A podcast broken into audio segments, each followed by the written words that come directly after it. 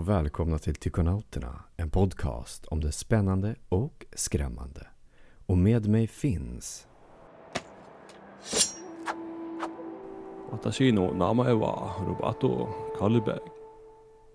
Och jag, Kristoffer Ylisalamäki. Smooth Robert. Ja, det har, har övat i år vet du. oh, shit. Ja, men det måste ju skryta lite vet du. Uh -huh. För det här ämnet eh, så ska vi prata om skrämmande saker från Japan. Och du har ju varit i Japan Robert. Hej. Yes, det har jag. Det har jag verkligen kan jag säga. Eh, Till och med fem gånger har jag varit där. Så att det... Mm, jag, bara, jag har ju hört om två av dem. Jaha. Jag minns vilka två gånger? Det var någon du var där med en, med en kompis vet jag. Uh, Eh, jag kommer inte ihåg, vad hette han? Med glasögon och grejer. Ja, Micke måste ha varit då. Ja, exakt. Och andra gången. Ja, jag vet inte, åkte du själv då? Ja, jag kan ha gjort det. Jo. Hur var var, nice. vad var ditt första intryck när du åkte första gången? Det var, eh, första, ja, första intrycket var, det var vackert. Det var, de har så mycket skog, och mycket landskap, verkligen mycket landskap när man åker tågen. För vi landade i Narita, det är ju en bit utanför Tokyo. Jag tror att det var, om jag inte minns, minner mig, en och en halv timme ungefär med direkttåget. Och det var ju bara skog, bara skog, skog, skog typ så här. Det är jättefint. Nej, vi åkte, just det, så åkte vi till Kyoto ja, första gången, just det. Så det var ju typ fem timmar, fyra eller fem timmars. Så det var bara, ja, mycket landskap och sånt. Så det var verkligen vackert, man försökte suga åt sig allting. Så det var väl första intrycket, vackert. Och sen älskar jag, sen just arkitekturen också älskar jag. Alltså hur, hur husen är. För, alltså de har ju lite modernare hus, men de har lite äldre är ju så snyggt med taken och Mm. ja, hela det där. Så det, det är lite annan miljö. Att, eh, De bilderna man ser och videoklipp från Japan, det är superfint. faktiskt. Mhm. Ja det är folket alltså, de är så trevliga. Men det är lite läskigt faktiskt. Hur trevliga de är. De gillar turister. Jag kan inte säga alla kanske men du vet. Nej. Det är, väl, jag kan tänka mig att det lite är som i, ja men jag vet inte hur svenskar är i och för sig. Jag tänker inte på det så. Men eh, att man, ja, där är turister och sånt där så det är ju ett, det är ett arbete säger man. Det känns genuint men man, när man väl var där många gånger så såg man, ah, okej men det är bara en fasad. Men många, det finns fortfarande de som gillar sitt jobb du vet. Men man märker när det är en som är bara där för att jobba, inte där för att ha, ja, inte trivs kanske sånt där. Så Mm. det det märkte inte man första två, tre gångerna. Det var, man var ju så, man la inte märke till det bara för att man var ju så inne i allt annat. I maten och, Ja, just det. det. ja, alltså. Ja, det var många matbilder. Eh, ja, det var väl bara det jag hade typ på, när jag väl hade Facebook den gången, en gång i tiden. Då var det enda man la upp då, matbilder, matbilder, matbilder. Ja, Mm. det kommer jag ihåg. Och templen där, jag älskar dem. Det är så, det är en helt Man känner faktiskt när man går in i tempel och på den här tiden var jag inte alls så Jag är lite mer spirituell nu ska jag säga ändå men jag, man märkte ändå att någonting När man gick in i, det spelar ingen roll om det var tempel mitt i stan eller om det var lite off Det var verkligen, man känner en typ av kraft Kan man nog, skulle nog förklara det Intressant. Ja men jag, jag tyckte det var en helt, det blev en helt annan känsla, helt annan mood. Men sen kanske man kan, ja men det är för tempel, man har innerst inne så har man väl respekt på, man, man ser på ett annat sätt. Här, nu ska jag visa respekt, så kanske lite det jag tänker att jag blir influerad av. Men det, man, det var en helt annan stämning när man gick in i tempel. Man känner mycket mer respekt. Som är i Svenska kyrkan, jag bara whatever. Det, jag är ju ateist så att det är så, jag bryr mig inte dugg men jag vet inte. Det är Japan, då, då kände jag någonting. Det, Mm. kan vara den där halvprocent DNA vet du jag har i mig. Det, Ja, kanske- som talar till dig. ja, exakt. Ja, jag själv gillar ju kyrkor, jag förstår känslan som du beskriver. Mm, För jag får ju det av när man går in i gamla kyrkor. mm. Ja just det, jag fick ju, ja, på tal om tempel och sånt där, så fick jag ju Första gången var i Japan Då träffade vi en tjej där och jag, jag åkte ju, sen andra gången var i Japan då träffade jag henne, vi, jag tror hon gick en vecka för hon visar mig allt. Det, är så jävla bra att ha en japansk kontakt för att hon visar mig allting och du man åkte, reste runt. Alltså det var mycket sånt där så det var skitnice. Men jag träffade hennes farbror tror jag det var. Uncle, det var farbror. Ja, jag tror det. Ja, jag tror det. Jo, men det var nog farbror. Och eh, han var jättegullig, så här kort och typisk så här japansk gubbe, du vet så här. Han var jättesöt, alltså det var jättekul. Han var jättetrevlig, så trevlig. Så jag gav ju han en eh, ostbricka, så här, från Sverige då. Så här, med, du vet, med hyvel och knivar och allt det här. Så han, han visste inte vad det var, för de har ju typ inte ost på så sätt där. så att han, de bara, vad är det här? Fick jag förklara. Men eh, jag fick ju, och han fick jag sen när jag var där tredje gången. Då, då fick jag, den jag skäms alltså, det, jag fick en um, prayer beads. Fick av han, som han köpte från sitt tempel. Han bodde ju ute, ute för Tokyo, så han bodde ju i en sån här liten by tror jag det var. Och det var ju så här riktigt tempel, du vet, så här, lite äldre tempel. Och han köpte ju därifrån såna här prayer beads. Mm. Så jag bara oh shit, så jag hade dem alltid i den här eh, förseglingen som man fick med. Men jag hittar inte den nu efter flytten så jag är lite såhär, jag måste börja leta mer för att mm. det gör lite ont faktiskt. Mm. Om jag lyckas tappa bort den på något sätt. För det var, det kändes, det var verkligen speciellt. Då ska jag beordra dig att leta upp det. ja, exakt.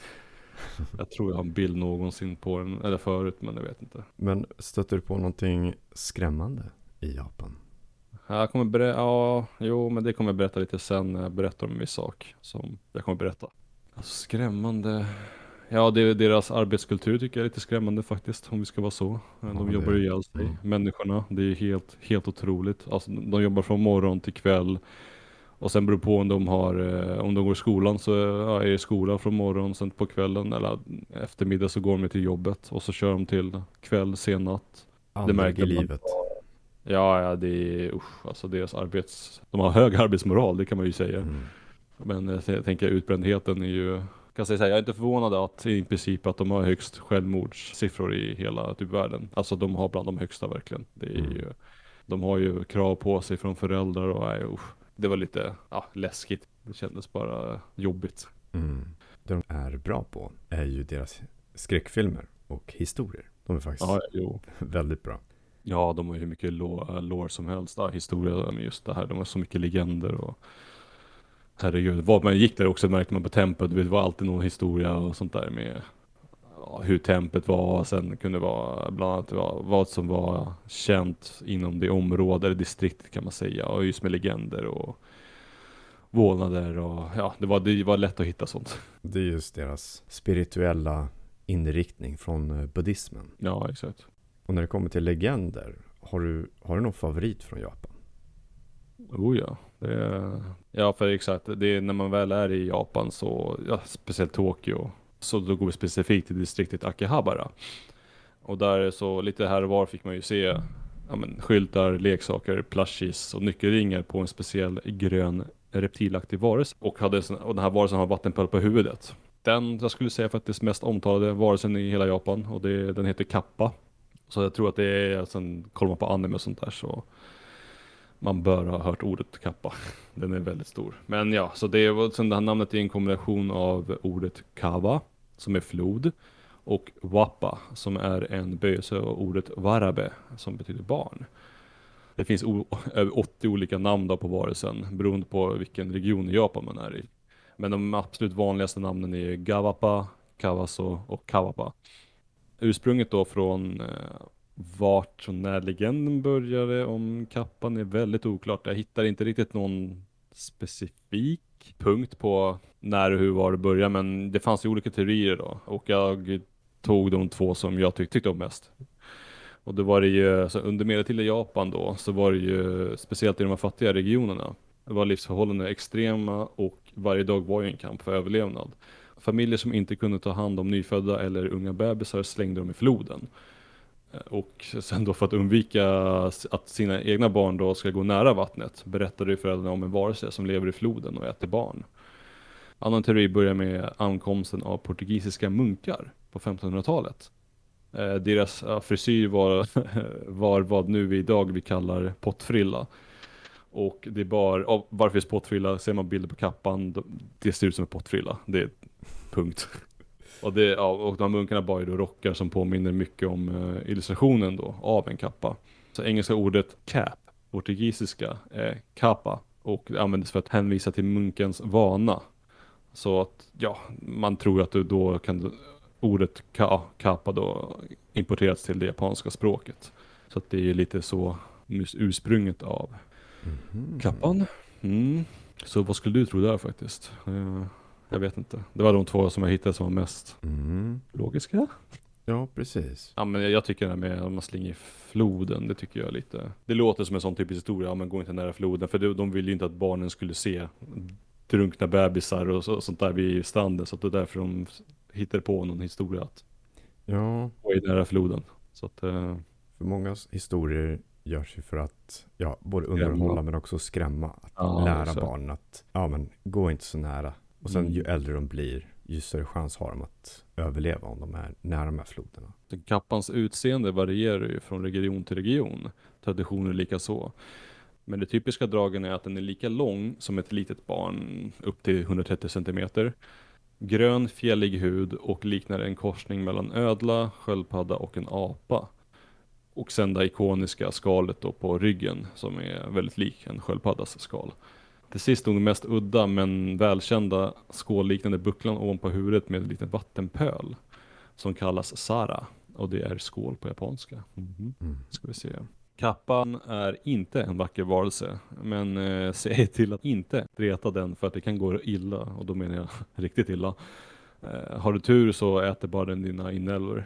Det. Okej. Men eh, ja, sägs det också att kappan har ju en fing för att äta barn. Speciellt, när, eh, speciellt nära vattenkroppar eh, som floder, brunnar och dammar. Så det är där den håller till. Sen kappan är, är ju faktiskt väldigt busig då den eh, gillar att sno kläder från eh, ja, tjejer som badar. Och den gillar att dra i tjejers kimono. Och det, kimono är en traditionell japanskt plagg. Från att, från att dra i deras kimono till att stjäla bönders skörd. Eh, varelsen kan dock vara väldigt hövlig i rätta omständigheter faktiskt. Det, ja, rätt, Mm. Vad kan det vara för omständigheter? Ja, det kan vara, vi säga, det sägs att de gillar grönsaker och specifikt gurka. Så ger du en gurka som en gåva så har du fått en vän för livet. Eh, skulle du någonsin se en kappa försöka fylla på vatten på toppen av huvudet så hjälper du till med det kommer den stå i skuld till livet ut. Och varför det är för att det här vattnet eh, på kappans huvud är, det ba- eh, sägs att bara deras livskraft. Och det är där de får kraft, eh, sina, ja, men livskraft och det är där de får kan, där de får sina krafter ifrån. Eh, Så utan, den, utan det här vattnet då så kan, så kan de inte röra sig och så kan de till och med dö. Och en annan sak också, det som man kan utnyttja den här svagheten är ju att eh, om du bugar djupt mot en kappa, då måste kappan buga tillbaka. De ser det som en eh, tecken på respekt att du bugar ju. Det är ju så i deras kultur. Och då måste de buga tillbaka. Så att då bara spills vattnet ut. Det- ja. Det är som Clever. moment 22. Ja. Men det är just det här också nu i dagsläget, det är ju väldigt, det är inte så ovanligt att se skyltar med en kappa då uppsatt vid sjöar, floder eller dammar. Och syftet är ju då för att varna, varna speciellt då barn för starka strömmar och använda faran för att leka. Jag minns ju faktiskt också det här med att exakt, vet, när tsunamin svepte in i Japan där 2011 eh, av jordbävningen. Eh, så vet jag, jag kommer ihåg det också specifikt att det rapporterades det en hel del människor som faktiskt såg kappa, kappa, äh, kappor, plural, eh, dra ner människor och barn i vattnet så, så steg. Och så finns det lite, så finns det lite klipp på YouTube, de säger att man ser en kappa men nej, det, det tror jag inte dugg på, men ja, det finns lite där ute. Mm. Och jag tänkte faktiskt nu dra en historia om ett vittnesmål. Och den här historien är direkt tagen från hemsidan mysteriousuniverse.org. Men då jag gjorde egna omformuleringar eh, för att få det eh, förståeligt helt enkelt. Mm. Jag vill inte avslöja den exakta staden där detta ägde rum. Men det var en by ute på landet som ligger längs en berömd flod. Där bodde jag och min son i ett enkelt hus precis nära vattnet. Och hela började med att min tioåriga son kom hem från att utforska nere vid floden. Pojken verkade vara i ett upprört tillstånd och jag frågade om vad som har hänt. Då berättade han entusiastiskt för mig att han hade sett ett konstig figur nere vid vattnet. Men den hade varit naken med grön hud och ett ansikte som en groda och stora ledsna ögon. Denna figur har stått på en sten vid floden och hade sedan dykt ner i vattnet för att försvinna. Det var en märklig sak att, för att sonen att säga eftersom han inte var benägen på att hitta på skrönor. Och jag gick ut till platsen där sonen påstod sig ha sett det. Det fanns inga spår av någon där, men i dagsljuset kunde jag se att toppen av stenen var våt, som om något från vattnet verkligen har stått där. Sonen insisterade på att allt var verkligt, men jag antog att han måste ha gjort ett misstag. Men vad det än var, verkade inte vara borta trots allt. Det fick jag lära mig under de kommande dagarna. Den före helgen gick jag till floden för att fiska, vilket jag brukar nästan göra varje helg. Det var en varm, klar dag som visade sig vara bra för fisket. Det fanns en plats där jag inte hade provat fiska än. Så jag tog mig försiktigt längs klipporna och behövde lämna hinken med fångst i. Och behövde lämna hinken med fångst i för att bättre kunna upprätthålla balans på den förrädiska, steniga strandkanten. Jag lyckades nå platsen och kastade in linan för fiskespöt. Detta var ett extremt lantligt område, men ingen annan än mig själv där ute. Jag slappnade av och tog in ljudet av landsbygden, insekterna, fåglarna och surrande cikader som bildade en ljuvlig harmoni. Men ett ljud skakade mig i hur fel det var. Det lät som ett slags högt skarpt stön, följande av att det lät som ett djup rensning av halsen. Och det lät som om det kom från platsen där jag hade lämnat mina saker. Först kunde jag inte se någonting och sedan hörde jag det där igen. Högre den här gången och inte som något jag har hört förut. Jag visste att något måste vara där. Kanske någon annan vid floden, så jag började ta mig tillbaka av nyfikenhet. Det var då jag såg det. Det kröp långsamt upp ur vattnet och jag blev chockad av vad jag såg. Det var kort, stort som ett barn, med glittrande grönaktig hud, inte fjällig men kanske mer som gummi. De hade en rund kropp med en tjock mage och långa seniga armar med överdimensionerande simhudshänder. Jag kunde inte se benen än. Dess ansikte var som min son hade sagt, som en groda, bara med en förlängd nosparti som liknar en hunds. Det hade inga öron vad jag kunde se och två hål i nospartiet som verkade vara näsborrar. Munnen var exceptionellt bred, ögonen mycket stora och runda. Varelsen tittade rakt på mig. Det stannade igen i vad jag nu tror var en varning riktad mot mig. Jag stannade i mina spår. Varelsen kröp sedan långsamt upp ur vattnet med två långa, smala ben. Men ett av benen verkade vara skadad, eftersom den verkade halta. Den gick ända upp till min hink med fisk och stirrade på den med stora ögon och stirrade sen på mig igen för att stöna innan den sträckte sig in i hinken för att ta en av mina fiskar, som den tryckte i munnen innan den tog en till. Därefter stannade den en sista gång och tog sig ner i vattnet för att försvinna. Jag insåg snart att jag visste exakt vad det var jag hade sett. Det var en kappa. Mhm. Mm. End of story. Så, Jaså. Mhm, mhm. Det där är något jag inte vill se. Mhm. Nej, alltså, oh shit. Tänk att du fiskar och hör något ljud som bara, vänta, det har jag aldrig hört. Och så ser du ju en grön sak som, ja, du aldrig sett, ja, som inte ska finnas. Jag hade nog varit försten därifrån, kan jag säga. Ja, jo. Men tror inte, ja, men tror verkligen det. Tror inte skulle vara nyfiken. Aj, ja. Alltså det beror på hur, alltså är den längre ifrån? Absolut så hade jag ju stirrat en extra sekund. Ja. Men hade den rört sig mot mig så hade jag ju först den ut. För man vet ju aldrig det var vad, ju som ett barn bara, det var inte stort, lika stort som ett barn. Så jag menar, ja. Men vad, vad är syftet egentligen med att låta den komma Ja. nära? För att, ja, kanske friendly. ja, nej. För att buga bara. Jag, jag utgår ifrån hot. Ja, eller för mer en gurka varje, varje gång du är ute så kan du ge en gurka så. Hade du kastat gurkan på den. Schysst.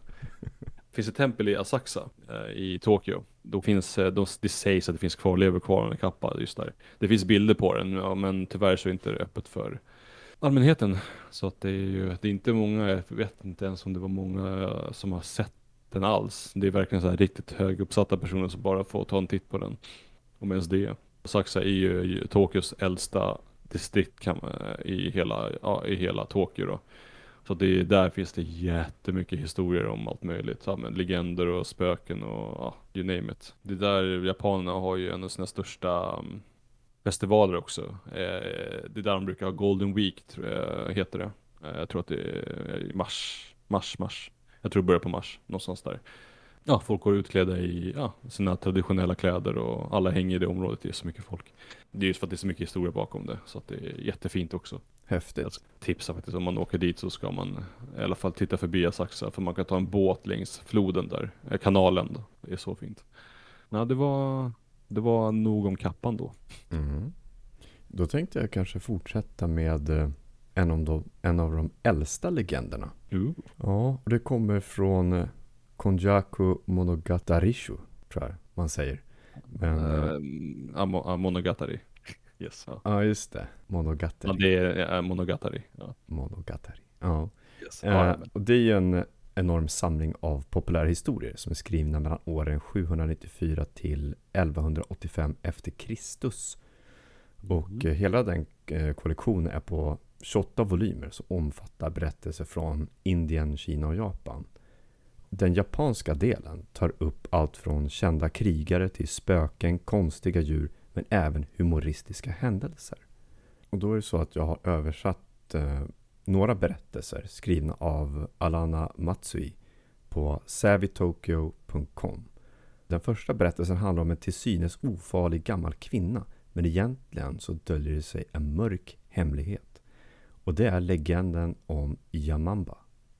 Det var en gång en buddhistisk präst som fastnade i en storm men lyckligtvis så passerade han en hydda. En vänlig gammal kvinna bjöd in honom, välkomnade honom med mat och en varm eld. Så välkomnande som hon var gav hon prästen en märklig varning. Oavsett vad, titta inte in i bakrummet. Prästen kunde inte övervinna nyfikenheten och följde inte den gamla kvinnans varning. Direkt efter att hon klev ut för att samla ved kikade prästen genom en spricka i dörren. Till sin fasa upptäckte han att rummet var fyllt med halvätna lik. Prästen insåg att den gamla kvinnan var en Yamamba och lockade ovetande resenärer in till sitt hem för att strimla dem i bitar för hennes nästa måltid. Han flydde från stugan så fort han kunde och återvände aldrig igen.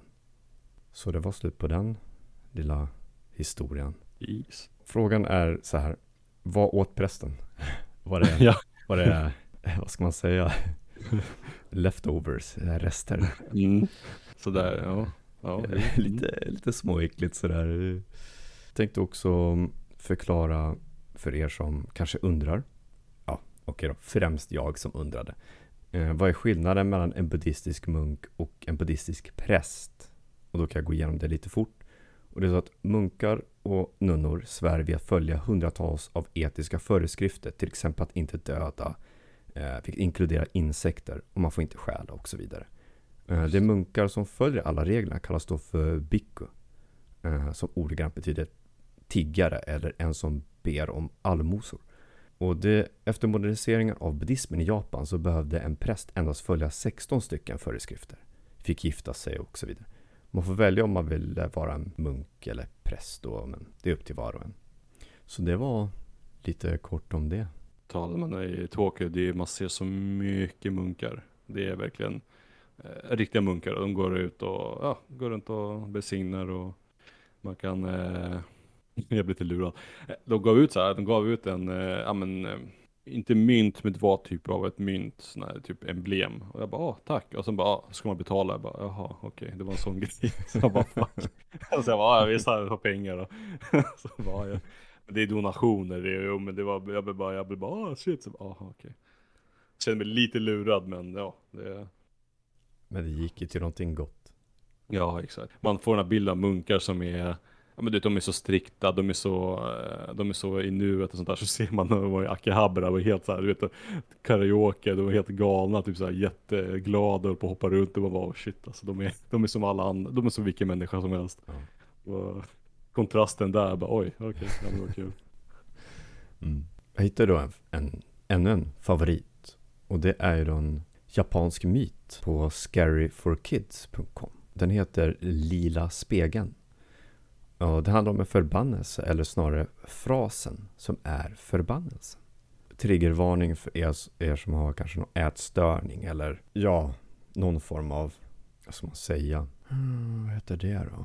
Ätstörning, uh, um, tänker du, Anorexia, så det. Så heter det. ja just det. Jesus Christ. Ehm, så triggervarning, så, så är ni beredda då. Så berättelsen börjar då så här. För många år sedan så var det en japansk flicka som var väldigt fåfäng och spenderade all tid stirrandes på sin reflektion i spegeln. Hon hade fått den i present av sin mamma och flickan älskade den mest av allt. Det var hennes mest uppskattade egendom. Flickan ville desperat vara vacker och utvecklade anorexia, svälte sig själv till punkten att hon blev otroligt tunn. Tiden gick och hennes hälsa försämrades och det spelade ingen roll hur blek och mager hon såg ut så fortsatte hon att titta in i spegeln och tyckte fortfarande att hon var vacker. En dag så ville hon dekorera sin spegel så hon målade den lila. När hon tittade in i spegeln igen så blev hon äcklad. Hon såg sig själv inte som vacker längre. Hon såg sig själv som hon egentligen var. Blek, tunn och förvirrad röra med ben som syntes väl under hennes läderaktiga hud. I ren skräck förstörde hon spegeln så att den gick i flera bitar, men efteråt så ångrade hon sig. På hennes 20-årsdag så var flickan mitt i förberedelserna av hennes party när hon plötsligt blev påkörd av en bil och dog.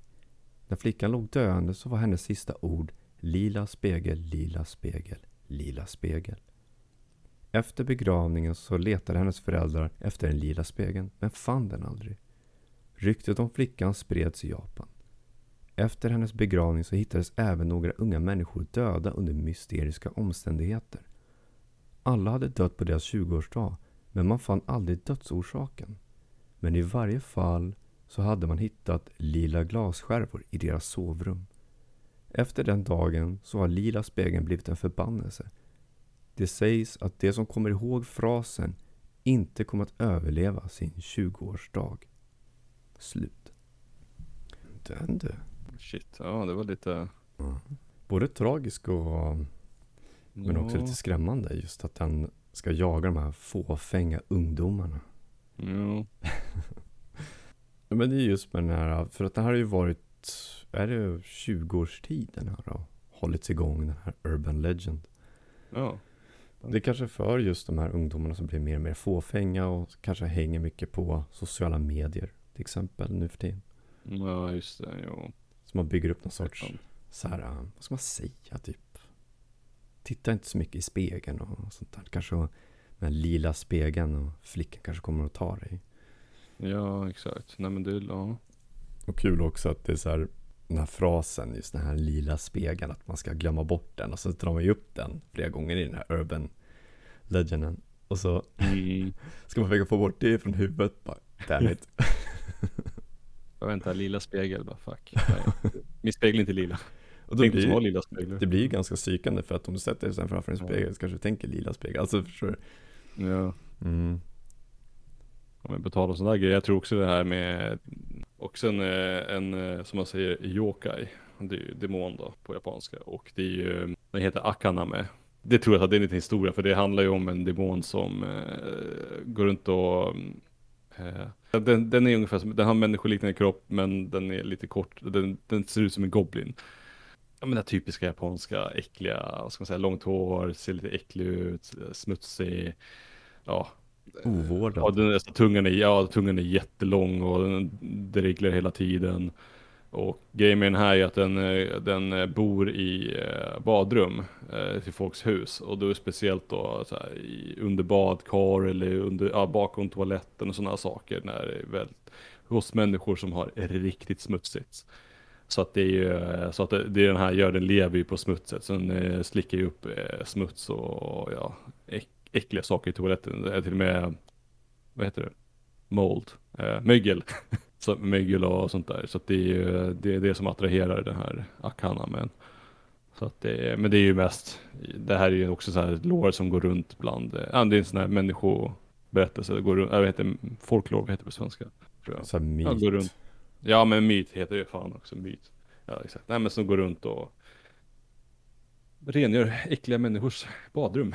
Mm. Så att man sa alltid till barnen, det är ju en sån här historia som de säger, här, barnen bara se till att rengöra badrummet efter sånt där så inte Akane med kommer och ta- tar dig. När du är väl där på toaletten och sånt där. Så att det är ju, Ja, men den är ju bra ju. ja det, det, det kanske man ska börja, ja men det kanske man ska börja skrämma. Skrämma Ja, barnen med. med toalettdemonen. Ja men exakt, det är varför inte? Och Kanske de väl rengör. Så ni som har ungar faktiskt tycker jag, eh, dra den här historien. Sök upp Akana med så kan ni dra att de ska rengöra toaletten efter sig varje gång annars kommer en demon. De kommer typ aldrig våga gå på toa Det igen. här, nej exakt. Det finns ju Det många så sådana här, just så här gamla historier. Jag gillar det där. Ja just det finns. ehm, Mm. den här Konjaku Monogatari. Mm. Så jag ska, jag ska kika efter den och se om jag hittar någon översatt till svenska. Om man kan köpa något sånt där. För att det är väldigt Okej. häftigt. Ja, nej, för jag vet det finns annan sån här toalettdemon. Eh, jag vet jag såg en anime, det var ju hundra år sedan. Det var också, det var så här, det var typ för barn, det var en skräck. Det var en skräckanime. men det var lite mer riktat mot barn då.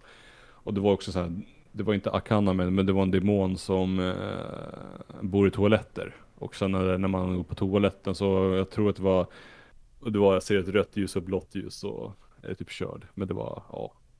De har mycket sådana där roliga historier. Mm. För den här animen eh, baseras, alla episoder baseras på japanska myter och sånt där. Så det är väldigt intressant. jag kollar upp bland många av de här historierna, det är mycket kvinnor som är demoner. Mm. Det tycker jag är väldigt intressant. Varför, hur det kommer sig. just det. Jag tänker lite att att de är ju lite mer skräckinjagande på ett sätt. Jag menar, du gör, tänk dig att du gör en demon eller tjej smutsigare. De har mer, det känns att de har mer saker att använda på kroppen. Alltså längre hår, smutsigare hår. Sen kan man, alltså det känns, Jag tror man kan göra det med man också. Om han, ja exakt. Men, Men- det, det kan vara någon gammal sån här, äh, som, Mm. typ som Europa på medeltiden. Eh, för en del av de här historierna är väldigt gamla. ja jo jo, jo. Så att det är väl säkert den synen kanske på kvinnor på den tiden. Kanske. Ja, jag tänker, ja, tänker så, ja. Jag ser mest på att det kan, det är roligare, men kvinnor kanske inte, ja, jo. För Mm. att kvinnor kanske ska uppföras på ett visst sätt så går du till motsatsen att en kvinna kanske är ovårdad än att vara vårdad och utsläppt hår istället Ja. för har det uppsatt. Ja, För då är det finare om de har uppsatt och mera prydlig. Och Ja, sen just så är det utsläppt Ja. så är de mer oprydlig. Kanske är det någon sån här galning eller någonting. Eller en demon. Kanske. ja. Och sen varför häxor var mest kvinnor också. Mm. Man tänker nu på medeltiden och det här. Ja. Varför, ja, varför inte män kunde typ vara häxor. Men ja, det, Mhm, Det fanns ju en risk att de brändes på bål på den tiden. ja exakt. Tänkte Mm. gå och läsa den sista berättelsen. Den är eh, inte, så, inte ledsam är den inte. Den är både skrämmande men också lite, um, vad ska man säga? Sorglig. Sorglig, tack. Ja. Så jag tänkte berätta den för er. Den heter Svarta håret. Det var en gång en fattig samuraj som bodde i Kyoto med sin fru. En rik herre från ett avlägset land bjöd in samurajen att vara hans vasall. Eftersom det var ett så hedrande tillfälle hade han inget annat val än att acceptera och lämnade sin fru att vänta i fattigdom hemma tills han återvände. Flera år senare, efter att ha plikttroget tjänat sin herre, återvände samurajen äntligen till Kyoto. Även om hans hus var i förfall var hans fru fortfarande där för att glatt välkomna honom hem. Slutligen återförenade. De spenderade två hela nätter med att prata och skratta tillsammans innan de somnade. När samurajen vaknade var den värme han hade känt kvällen innan från att ha armarna lindade runt sin kärleksfulla fru inte längre där. Istället öppnade han ögonen för att se att han höll i ett kallt skelett med ett långt svart hår. Samurajen fick veta att hans fru gick bort av sorg sommaren innan. Men hennes skelett hade stannat kvar i huset hela tiden och väntade troget på att han skulle återvända. Slut. Jag tänker, åh nej, jag tänker på den där eh, filmen eh, med japanska hunden som väntade på sin ehm, Ja, på sin... eh, husse Ja. eh, som skulle komma hem då från kriget. Nej, oh. Ja, det känns Den- ju... Det, ja, Det den, finns. eh, amerikanerna har gjort en remake men den japanska är ju tusen gånger bättre. Så Mm. att det är ju, den, men den amerikanska var med, heter han? Är det George Clooney? Nej, jo, nej, inte George Clooney. Också sån här som alla, alla kvinnor älskar ju han. Mm. Eh, Richard Gere. Så att, ja just det, Richard Gere ja. Ja exakt. Ja men det, det är så, jo det, var, det är sorgligt ja. Exakt. Men just att jobba, vara borta flera år och Mm. sen komma tillbaka och så. här. Jag, jag kan tänka mig någon form av moral i den där historien. Jo, ja ja men det är klart den har en message. Hade du något mer? Ja just det, ja. så jag måste ju såklart. Ni vet ju kanske att jag gillar ju Bigfoot. Så att ja, såklart så måste jag ta upp den japanska versionen av Bigfoot också. Det, det, det är givet, hallå. Mm, det är det. Eh, och namnet på den där, namnet på den japanska Bigfoot är ju Hibagon. Eller kan man säga Hinagon också. Men Hibagon är den som är mest populär. Och jag, jag såg inte varför den fått namnet Hibagon, men jag eh, med min intelligens så lyckades klura ut att det finns ett berg som heter eh, Mount Hiba. Det är där man har sett den här Bigfooten. Så Hiba, namnet är ju Hibagon på den här. Så att Gon, jag vet inte exakt var Gon kommer ifrån, men ja. Så att ibland är man lite smart vet du. Mm. Så berget heter, Hiba, monstret heter- Hibagon. Så att, ja, du ser. Ett plus ett. Det blir inte tre, det blir två. Det börjar med Hiroshima eh, 1970. Då var det en grupp barn ute och plockade svamp i skogen nära berget Hiba. Och då plötsligt kom en apliknande varelse och började förstöra en buske i barnens närhet. Barnen blev rädda, sprang till läraren och berättade vad som har hänt. Läraren samlade ihop ett gäng andra vuxna som tog sig till händelseplatsen. Det enda som hittades var, var den förstörda busken och läraren visste att barnen inte har den styrka som krävs då för att orsaka den skadan. Samma år såg en lastbilsförare en gorilla-liknande varelse stå raklång på sina bakre ben, gå över ett fält nära en damm och sedan sprang iväg och försvann i skogen. Varelsen beskrevs ha extremt långa armar, typ så långa att armarna släpades längs marken och hade en lång näsa och näsan påminde som eh, du vet, eh, grisar har ju tryne, alltså lite så. Mm. Eh, Det är lite mer mellan tryne och en, ja men typ en, en apa. En liten blandning där. Okej. Så det var, ja. där. Och sen dagar senare överraskades en bonde när en varelse dök upp från det höga gräset vid hans gård. Svart päls, lång som en medelålders man med, med ett hemskt ansikte och intelligenta ögon. Japanska pojkscouter påstås hitta fotspår nära berget Hiba under vintern 1970. Fotspåren mättes upp till 21 cm i längd och gick att följa cirka 300 meter. Där i slutet av spåren hittades nya fotspår som mättes upp till 30 cm i längd. Genom åren kom flera vittnesmål fram och rent generellt beskrivs varelsen att ha rödbrun eller svart päls, ibland med vit fläck på bröstet och armarna. Några gånger på händerna också. Luktar starkt som ruttet kött, lång näsa och ett ovanligt stort huvud i form av upp och nervänd triangel. Så imagine that. Mhm. Och sen vikten är ju då upp till 90 kilo och längden varierar mellan 150 till 170 centimeter. Och sen, eh, ja, har man lite koll på hur by- amerikanska Bigfoot är så är ju den här väldigt liten i jämförelse. Då amerikanska Bigfoot kunde väga upp mellan 500, vad var det, 400-500 kilo, jag minns inte exakt men det var ju mm, var mycket större för att, mycket stor rent allmänt. Mm. Att den här skulle inte vinna one-on-one tror jag. Nej. Ja just det, det finns en bild ute på internet då, då eh, länk i description. Den togs den 15 augusti 1974 av en bilist som såg ett stort djur gå på fyra ben längs vägen. När bilisten närmade sig reste djuret upp och gick över vägen på två ben. Så föraren agerade snabbt, stannade bilen, gick ut, tog fram sin kamera och, eh, och ja, och bilden är ju resultatet då. Och eh, det, det, jag, jag ser inte det själv nästan, men det, bilden visar ju det som ska vara att bilden visar hur varelsen försöker gömma sig bakom ett träd då. då. Och det är väldigt svårt att se. Just på kvaliteten på bilden och kamerorna på den tiden var ju inte superoptimala heller. Så att det, ja, Ja, jag håller med Men, faktiskt. vi kan väl diskutera den bilden lite, sen, ja, lite närmare sen. Mm. Men ja, alltså, ja, men alla, alla sightings då var från 1970 till 1982. Och mestadels har varit runt eller nära skogen vid Hibayama-bergen i Hiroshi- Hiroshima. Staden eh, Shobara har även en staty på Hibagon längs vägen mot stadens centrum. Det är så kul, alla teorier, det är liksom, det är verkligen insert vad som helst, typ vad det kan vara.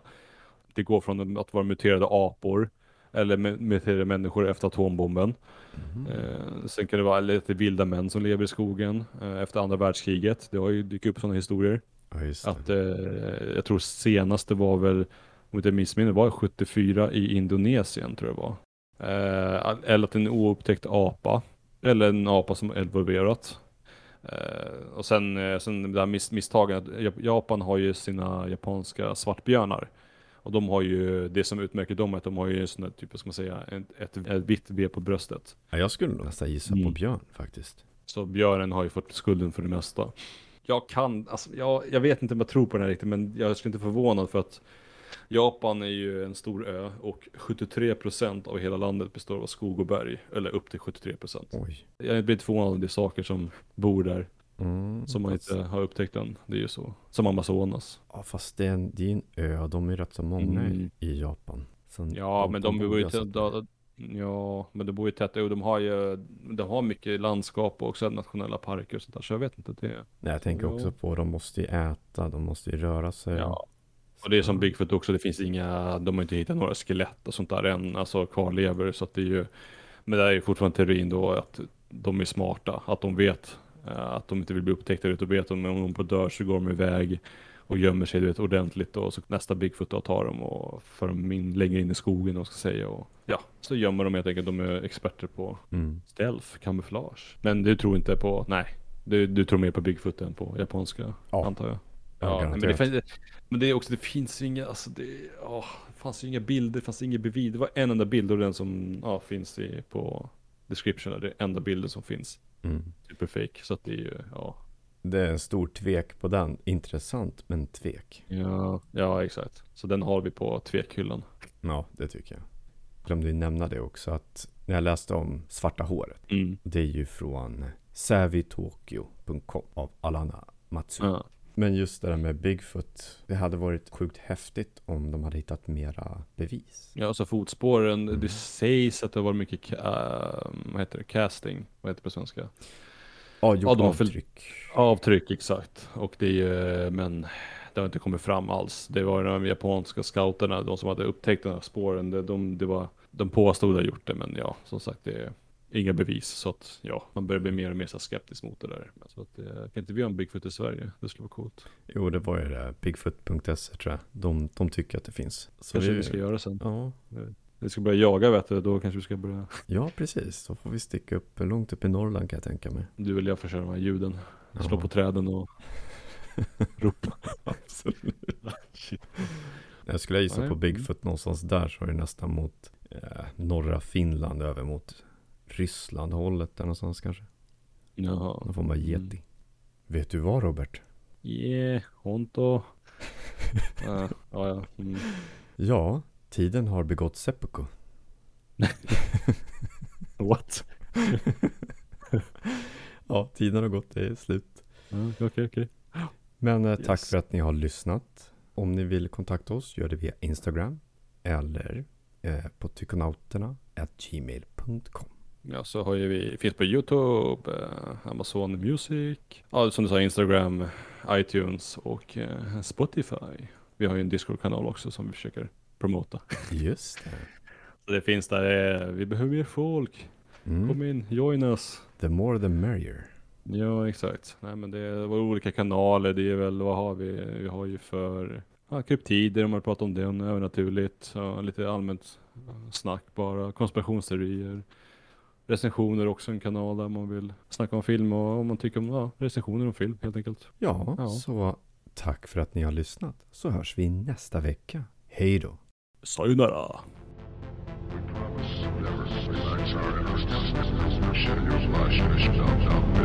We